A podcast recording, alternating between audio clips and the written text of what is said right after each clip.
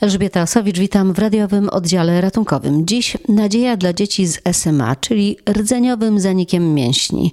Wrocławscy lekarze jako pierwsi w Polsce, a być może nawet na świecie, podali noworodkowi lek w pierwszej dobie życia. Dzięki temu jest szansa, że urodzony w klinice przy ulicy Borowskiej we Wrocławiu Staś będzie rozwijał się normalnie. Jak mówi mama chłopca, Monika Uliasz, po tym jak jej pierwsze dziecko zmarło na SMA, tym razem już na początku ciąży, była pod opieką lekarzy i badania prenatalne potwierdziły chorobę genetyczną. Baliśmy się, no ciężko było, no nie powiem, że nie. Na razie trudno mówić o efektach, ale jakie ma Pani nadzieje? Nadzieję mam takie, że ten lek zadziała i dziecko będzie moje zdrowe. To jest przede wszystkim, na to liczymy. Jak tłumaczy neurolog z Uniwersyteckiej Kliniki we Wrocławiu Magdalena Koszewicz, jest na to duża szansa. To dziecko ma szansę na zupełnie normalne życie. Wiemy, że ma mutację taką niekorzystną, gdzie ma mało kopii tego drugiego genu dobrego, a to rokuje źle na przyszłość. W związku z czym im wcześniej podaliśmy lek, tym jest większa szansa na to, że dziecko będzie no, zupełnie zdrowe albo prawie zdrowe. To jest pierwsze takie dziecko, więc jakby na razie nie macie doświadczeń. Pierwsze w Polsce, ale na świecie już tak robiono, tak? Doświadczeń w tym względzie nie mamy my i na świecie też te doświadczenia są takie bardzo no, niewielkie. Szybkie rozpoznanie choroby jeszcze przed narodzinami i natychmiastowe podanie leku może mieć kolosalne znaczenie dla przyszłości Stasia, przyznaje Barbara Królak-Olejnik, szefowa Kliniki Neonatologii Uniwersyteckiego Szpitala Klinicznego we Wrocławiu. Śmiałyśmy się z panią docent Koszewicz, że chyba pierwsi jesteśmy na świecie. Znaczy to nie jest aż tak istotne. Ważne jest to, żeby jak najwcześniej po urodzeniu noworodek dostał ten lek, jeżeli ma rozpoznanie genetyczne, które wskazuje na to, że w przyszłości mogą rozwinąć się objawy rdzeniowego zaniku mięśni. I tutaj to, co też mówiła mama, no pierwsze dziecko im zginęło z takim rozpoznaniem, ale postawionym później po urodzeniu. Natomiast tutaj mając wywiad obciążony i rozpoznaniem i zgonem wcześniejszego dziecka, badanie zostało wykonane w ciąży. I wtedy, kiedy już przyszedł wynik potwierdzający, że w przyszłości dziecko może mieć nasilone objawy, została skierowana do jednej z naszych lekarek, która zajmuje się taką opieką prenatalną i która skoordynowała całą akcję, bo to było naprawdę ostre działanie. Działanie dwóch szpitali, bo u nas nie ma neurologii dziecięcej, a program dotyczy neurologów dziecięcych i dorosłych. U nas są dorośli, ale przecież noworodek nie jest dorosły, prawda?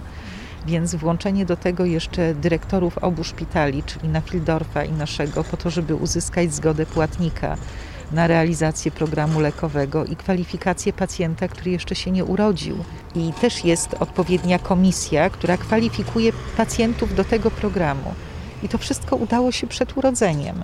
Jak e, wyglądało to podanie tej pierwszej dawki? Pacjent urodził się w czwartek, miał podany lek w piątek trochę po południu, po ukończonej 20 godzinie, czyli właściwie przed ukończeniem pierwszej doby. I cała trudność w podaży leku polega na tym, że to nie jest lek, który się podaje doustnie czy dożylnie, ale to jest lek, który trzeba podać dokanałowo, czyli trzeba wykonać punkcję lędźwiową. Przy kręgosłupa. Tak. I podaje się pobierając troszkę płynu mózgowo-rdzeniowego, Potem podaje się całą ampułkę leku, więc musi być pacjent odpowiednio przygotowany, żeby go to nie bolało, żeby nie pamiętał, żeby nie czuł. Więc te leki wszystkie dostał, zaczekaliśmy aż zaczęły działać i w zespole zostało to wykonane bez żadnych problemów, bez żadnych powikłań.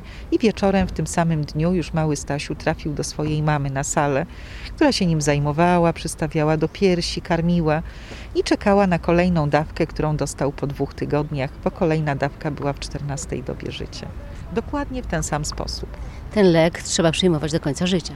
Z tego, co mówią neurolodzy, to albo do końca życia, albo do czasu, kiedy wymyślą nowy, który będzie działał trochę inaczej i którego nie trzeba będzie przyjmować tak często, bo to jest nakłucie kręgosłupa trzy razy w roku, bo co cztery miesiące. Natomiast w pierwszym roku życia jest to znacznie częściej, bo Stasiu dostał po urodzeniu, dostał za dwa tygodnie, znowu dostanie za dwa tygodnie, ale już na neurologii dziecięcej, potem za miesiąc i potem dopiero raz na cztery miesiące. Jakich spodziewacie się efektów?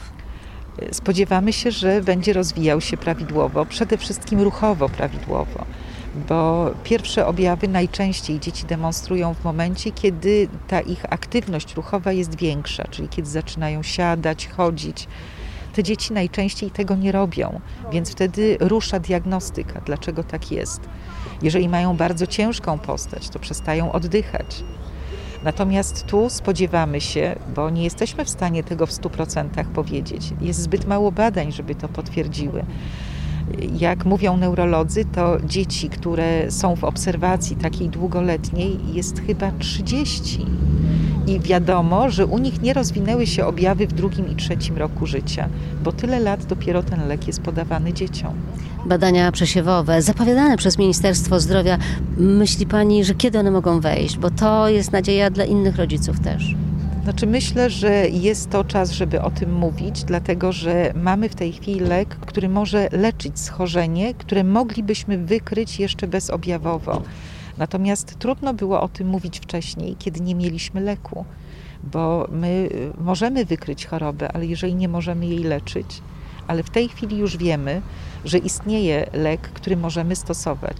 Wszyscy neurolodzy w Polsce, przede wszystkim oczywiście dziecięcy, ale my także, walczymy o to, żeby był program przesiewowy dla noworodków, również w kierunku SMA. Przedtem nie miało to znaczenia, teraz ma to znaczenie ogromne, ponieważ mamy dobre możliwości terapeutyczne. I tak jak wszystkie inne y, mutacje, na przykład mutacje enzymatyczne, już mamy te programy przesiewowe, dzieci są badane zaraz po urodzeniu, no tak niestety dla SMA jeszcze takiego programu nie ma.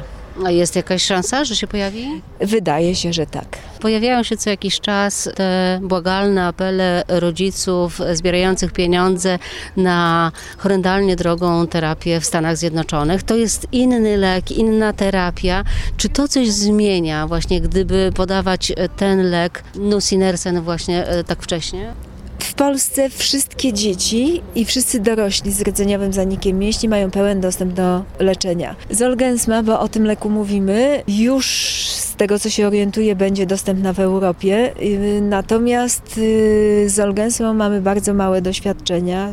Jest to lek o innym mechanizmie działania, gdzie wykorzystany jest wektor wirusowy i od razu sobie należy powiedzieć, że nie każdemu dziecku taki lek możemy podać, ze względu na to, że może mieć przeciwciała przeciwko wirusowi. To jest pierwsza rzecz. Druga rzecz, tak jak powiedziałam, no doświadczenia są też bardzo niewielkie, bo na świecie może jest 30 dzieci, którym ten lek podano. W związku z czym e, właściwie mówimy o doświadczeniach naprawdę niewielkich.